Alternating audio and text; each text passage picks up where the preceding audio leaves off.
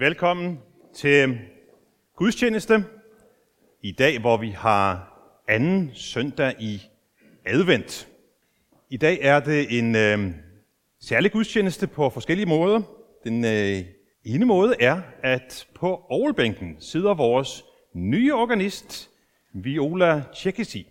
Hende får vi øh, anledning til at hilse på i slutningen af gudstjenesten. Og øh, vi glæder os til mangeårigt samarbejde.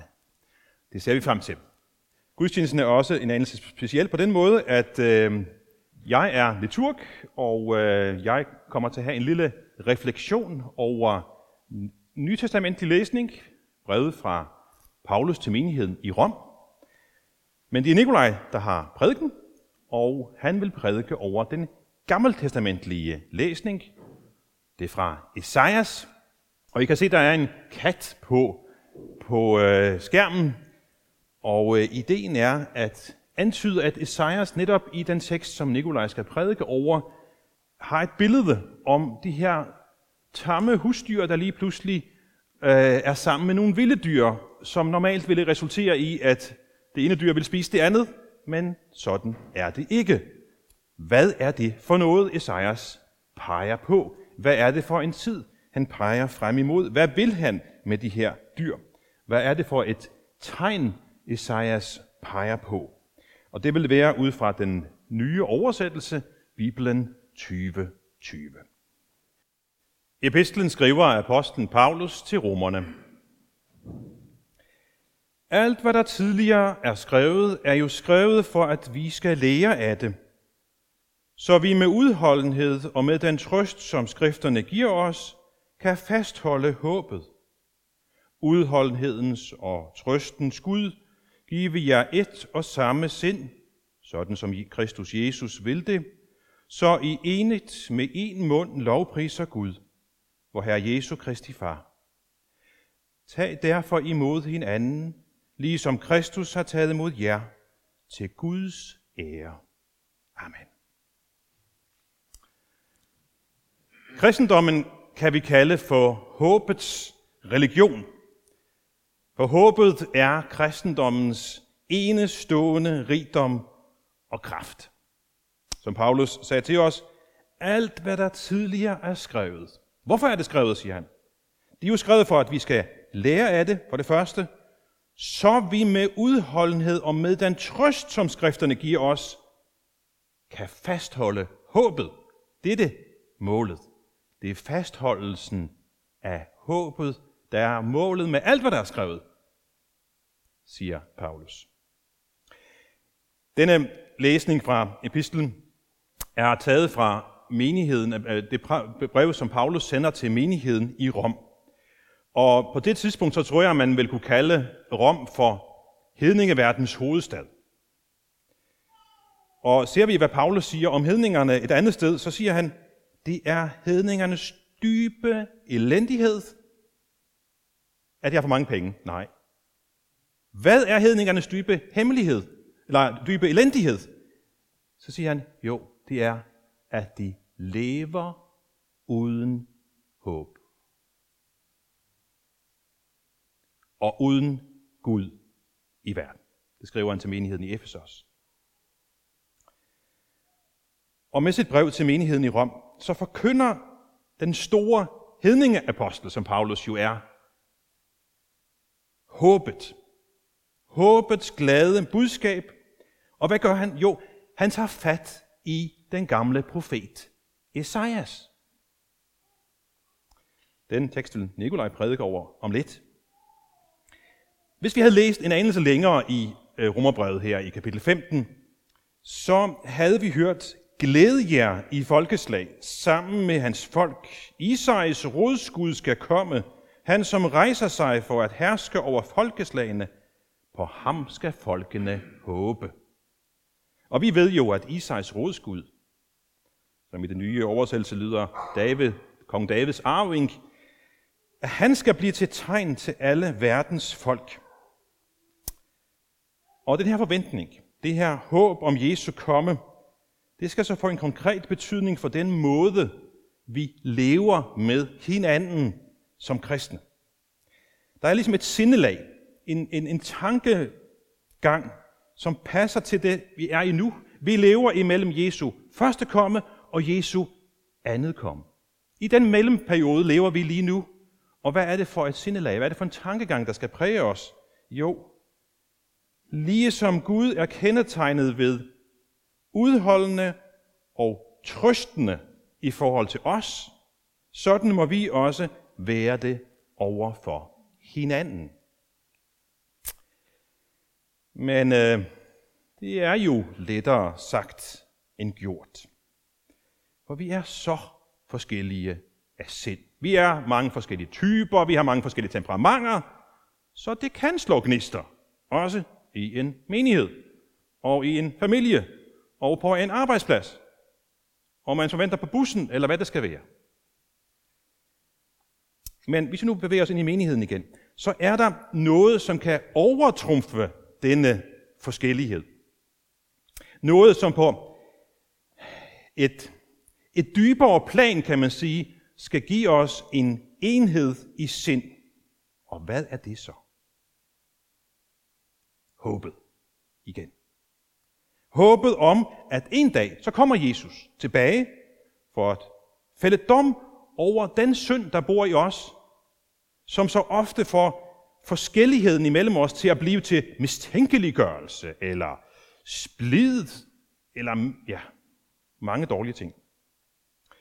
Og så nævner Paulus også, et, at den her enhed i sindet kan få en, et konkret udtryk. Lovprisning. Når vi lovpriser Gud, og det synes jeg, vi netop har oplevet, da vi har sunget den her sang om, om løfterne.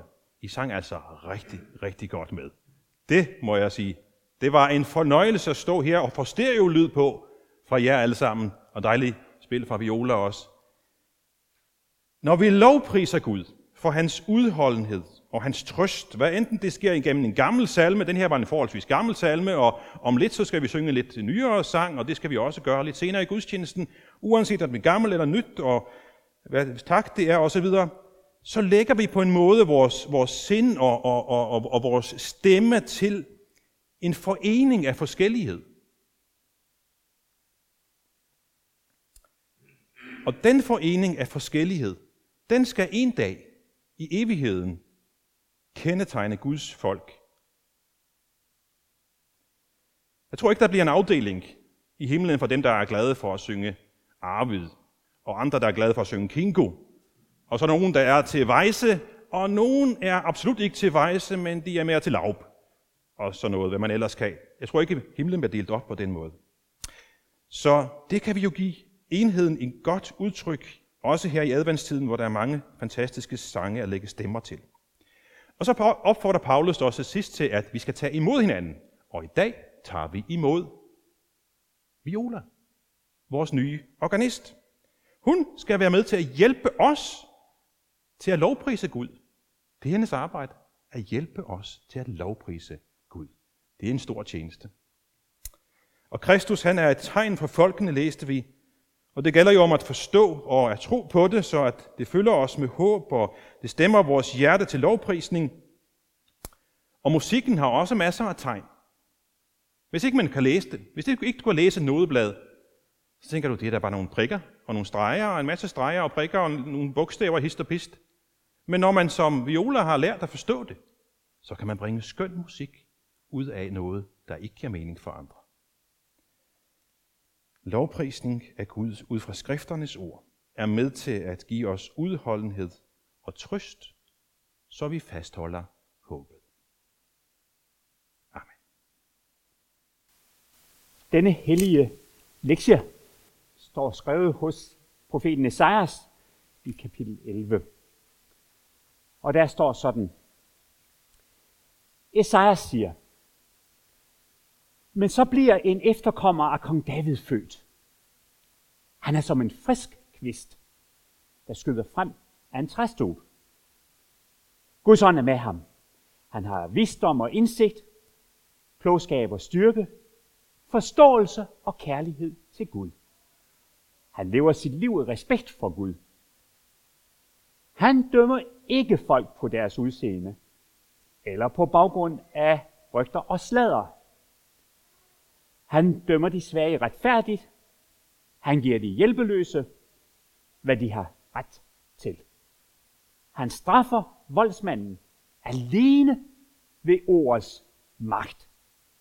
Han udstråler styrke, gudhed og sandhed. Det er en ny tid, hvor lammet trygt kan bo sammen med ulven, og gedekædet kan hvile sig op ad leoparden.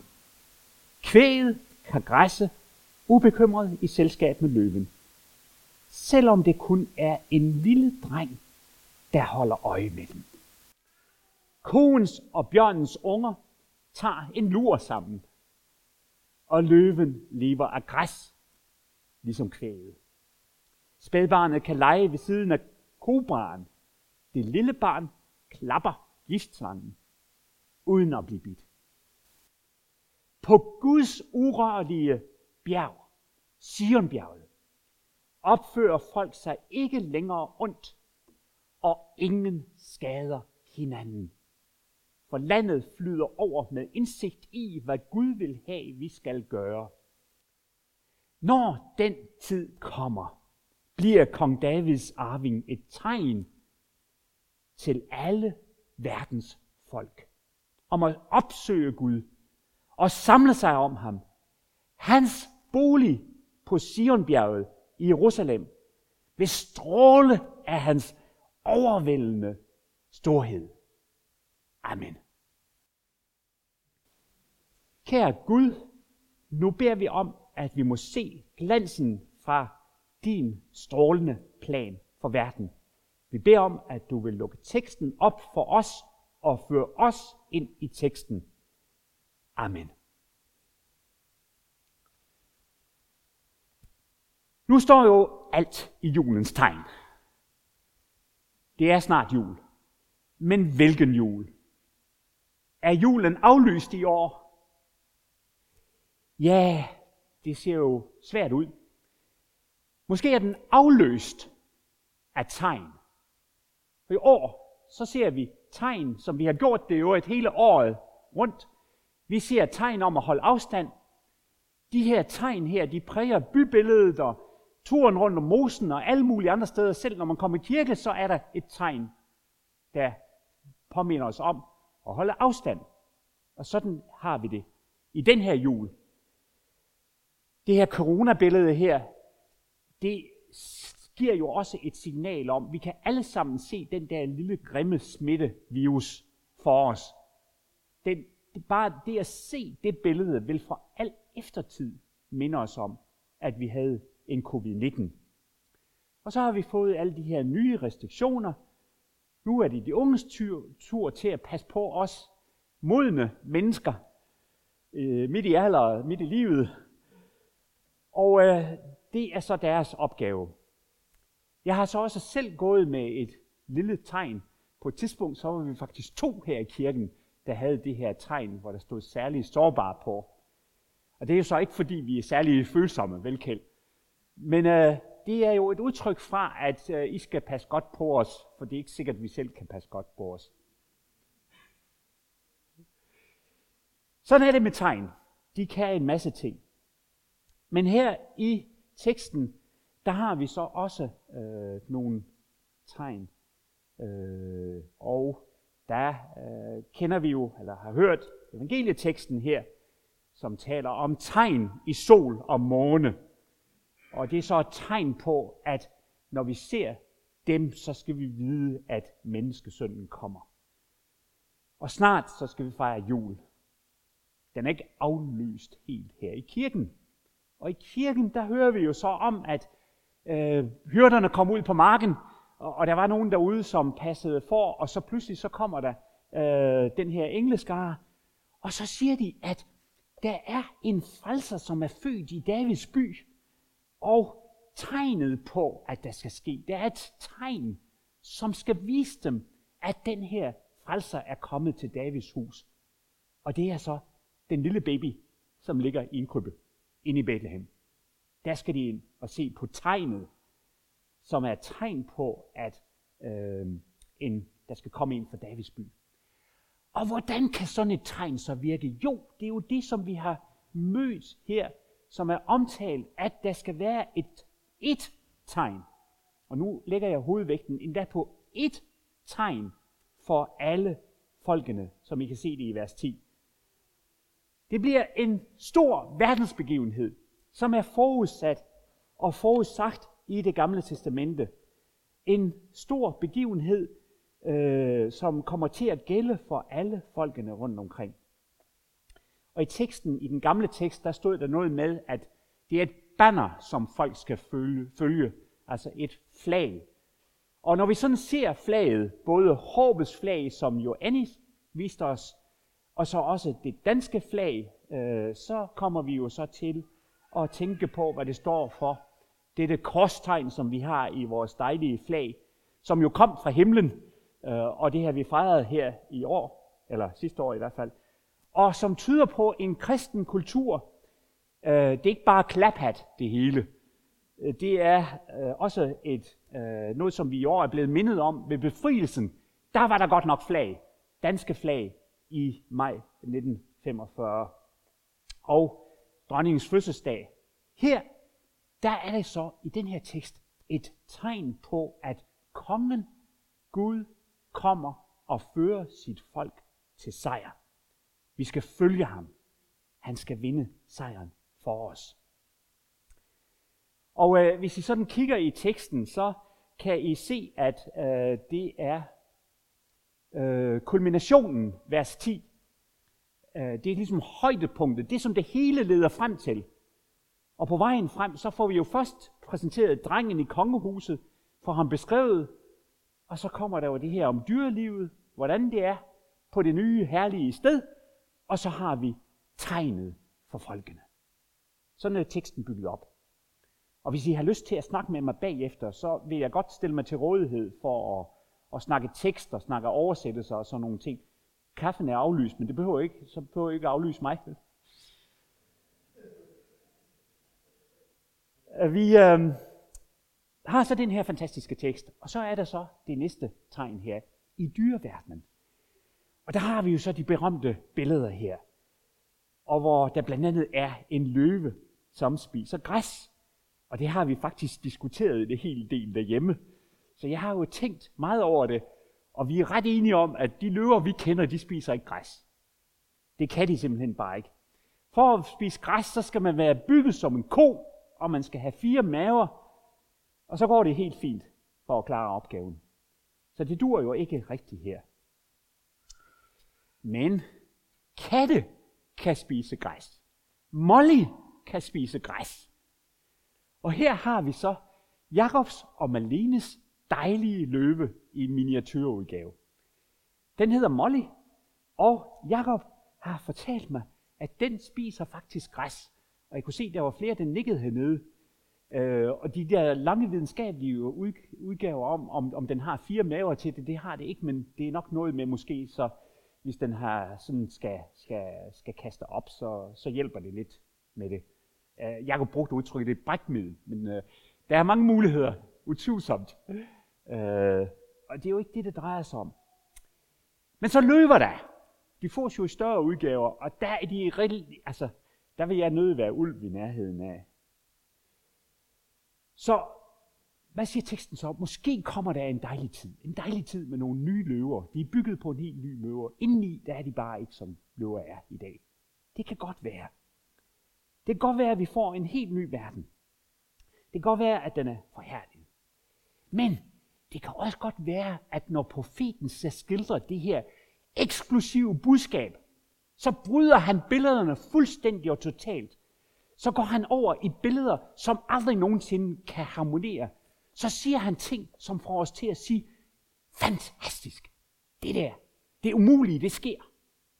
Tænk, der er en ny verden, hvor sådan noget kan foregå her. Der er sådan noget med, at alt bliver anderledes en dag. Alt er godt. Der er en dreng, der passer kvæg, som græsser sammen med en løve. Og løven, den æder dem bare ikke. Øh, der er sådan et spædbarn, der leger øh, med en kobra. Og her i den her tekst, så får klapperslangen simpelthen en helt ny øh, betydning, fordi nu er det en dreng, der klapper den her klapperslange, eller giftslange. Jeg kan godt fortælle jer, det måtte vores børn ikke, da de var små, og heller ikke siden. Og det er jo så fordi, at enhver kan jo se egentlig, at den her verden er bare så meget anderledes. Om det nu bliver nogle nybyggede løver, eller om det er billedet på en fantastisk verden uden ondskab, uden skade, uden noget som helst, det skal jeg nok fortælle jer, når det er sket. Men vi har bare håbet, og det er jo så der, hvor teksten den går det her skridt videre. Se, hvis vi kigger på flaget herude, øh, så hænger det normalt ikke lige ned. Hvis det sådan står og blaffer derude, ikke, så kan vi sige, at det er nok vinden. Det blæser nok i dag. Det er nok stormvejr i dag. Og sådan er det også her i teksten. Der er en død stup, skåret af, råden. Men fra den der rådne rod, der kommer der jo liv. Der er der tegn på liv. Det er et tegn på, at noget nyt er ved at spire frem, der hvor det ikke skulle kunne lade sig gøre. Den gamle Davids kongeslægt var totalt magtesløs, uden noget som helst øh, indflydelse, magt eller noget som helst. Men pludselig kommer verdensherskeren. Pludselig er den råd, hvor alt håb synes ude, hvor historiens barske tale havde lyttet, der kommer en helt anderledes verdenshersker. Der kommer en ny, et nyt tegn for folkene. Jeg har hygget mig rigtig, rigtig meget her øh, i, øh, i julen ikke med at øh, læse Esajas bog. Øh, vi har sådan et online fællesskab, og det har været fantastisk at opleve Esajas kapitel 6, vers til 12, hvor de skulle simpelthen prøve at læse det hjemme, hvor han først beskriver sin kaldelse år tilbage, og så skriver han på om, at, at Gud sagde til ham, at der skal komme en stup, som bliver en hellig sæd. Altså, der, der, der er noget, der spiger. Og så kommer den her profeti om, at Immanuels, han skal fødes, en kvinde skal simpelthen føde en søn, som hedder Gud er hos os. Og så lidt længere fremme, så vi møde det her fantastiske med, at der er en, et barn er født os, en dreng er os givet, ikke? Og hans navn, det er de her guddommelige navne. Og så når I frem til Esajas 11, hvor vi nu er her i teksten her. Fantastisk, hvordan tegnet sådan langsomt foldes ud og gør et dybt indtryk på os, når vi læser øh, i bogen her. Og i teksten her, nu kan jeg ikke gå i dybden, øh, fordi så får jeg skrammer, men øh, øh, han er jo udrustet med ånden. Det er jo, altså der er de her dejlige udtryk. Måske er det sådan nogle par udtryk, så Messias er fyldt af indsigtsfuld visdom. Han er stærk i planlægning. Han er gudfrygtig i sin viden. Det er faktisk det, som de her stærke billeder om hans åndsudrustning taler om. Og så taler det om hans gerning. Han handler retfærdigt. Han handler sådan, som Gud kræver det. Men til sidst kulminerer det i, at denne stærke hersker, han skal ikke slå alle ihjel. Nej, han hersker.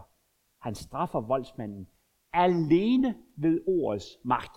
Og det er sådan et udtryk i den Bibelen 2020, som står utrolig stærkt. Det er sådan skrevet ned og forklaret og gjort det forenklet og så videre, men det står bare utrolig stærkt. Han straffer voldsmanden eller jorden alene ved ordets magt. Og den styrke, han udstråler, det er ordet.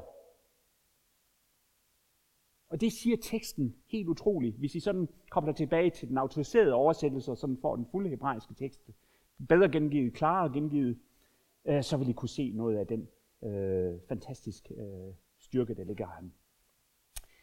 Og så betyder det jo så, at øh, det så øh, fører til, at der bliver en ny kundskab om Herren. Øh, til øh, billedet om øh, de græssende løver og alt det der, det munder så ud i det her stærke billeder om Sion.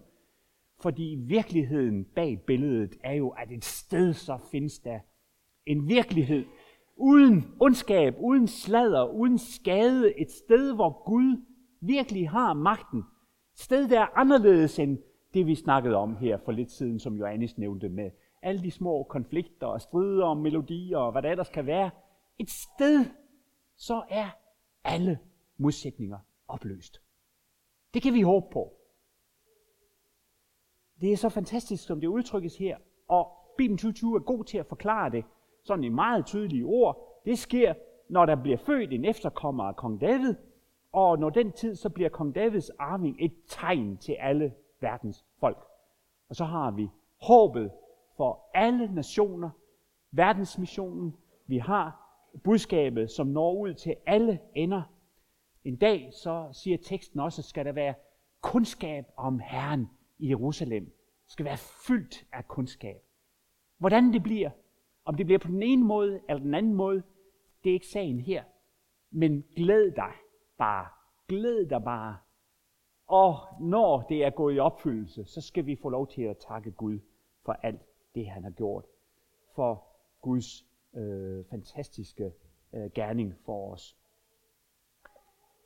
Og øh, der har vi så øh, til sidst også, og nu skal jeg nok slutte af, men øh, jeg har bare lyst til at koble på samme sted, som Johannes også gør, ved at slutte af med Esajas øh, kapitel 12.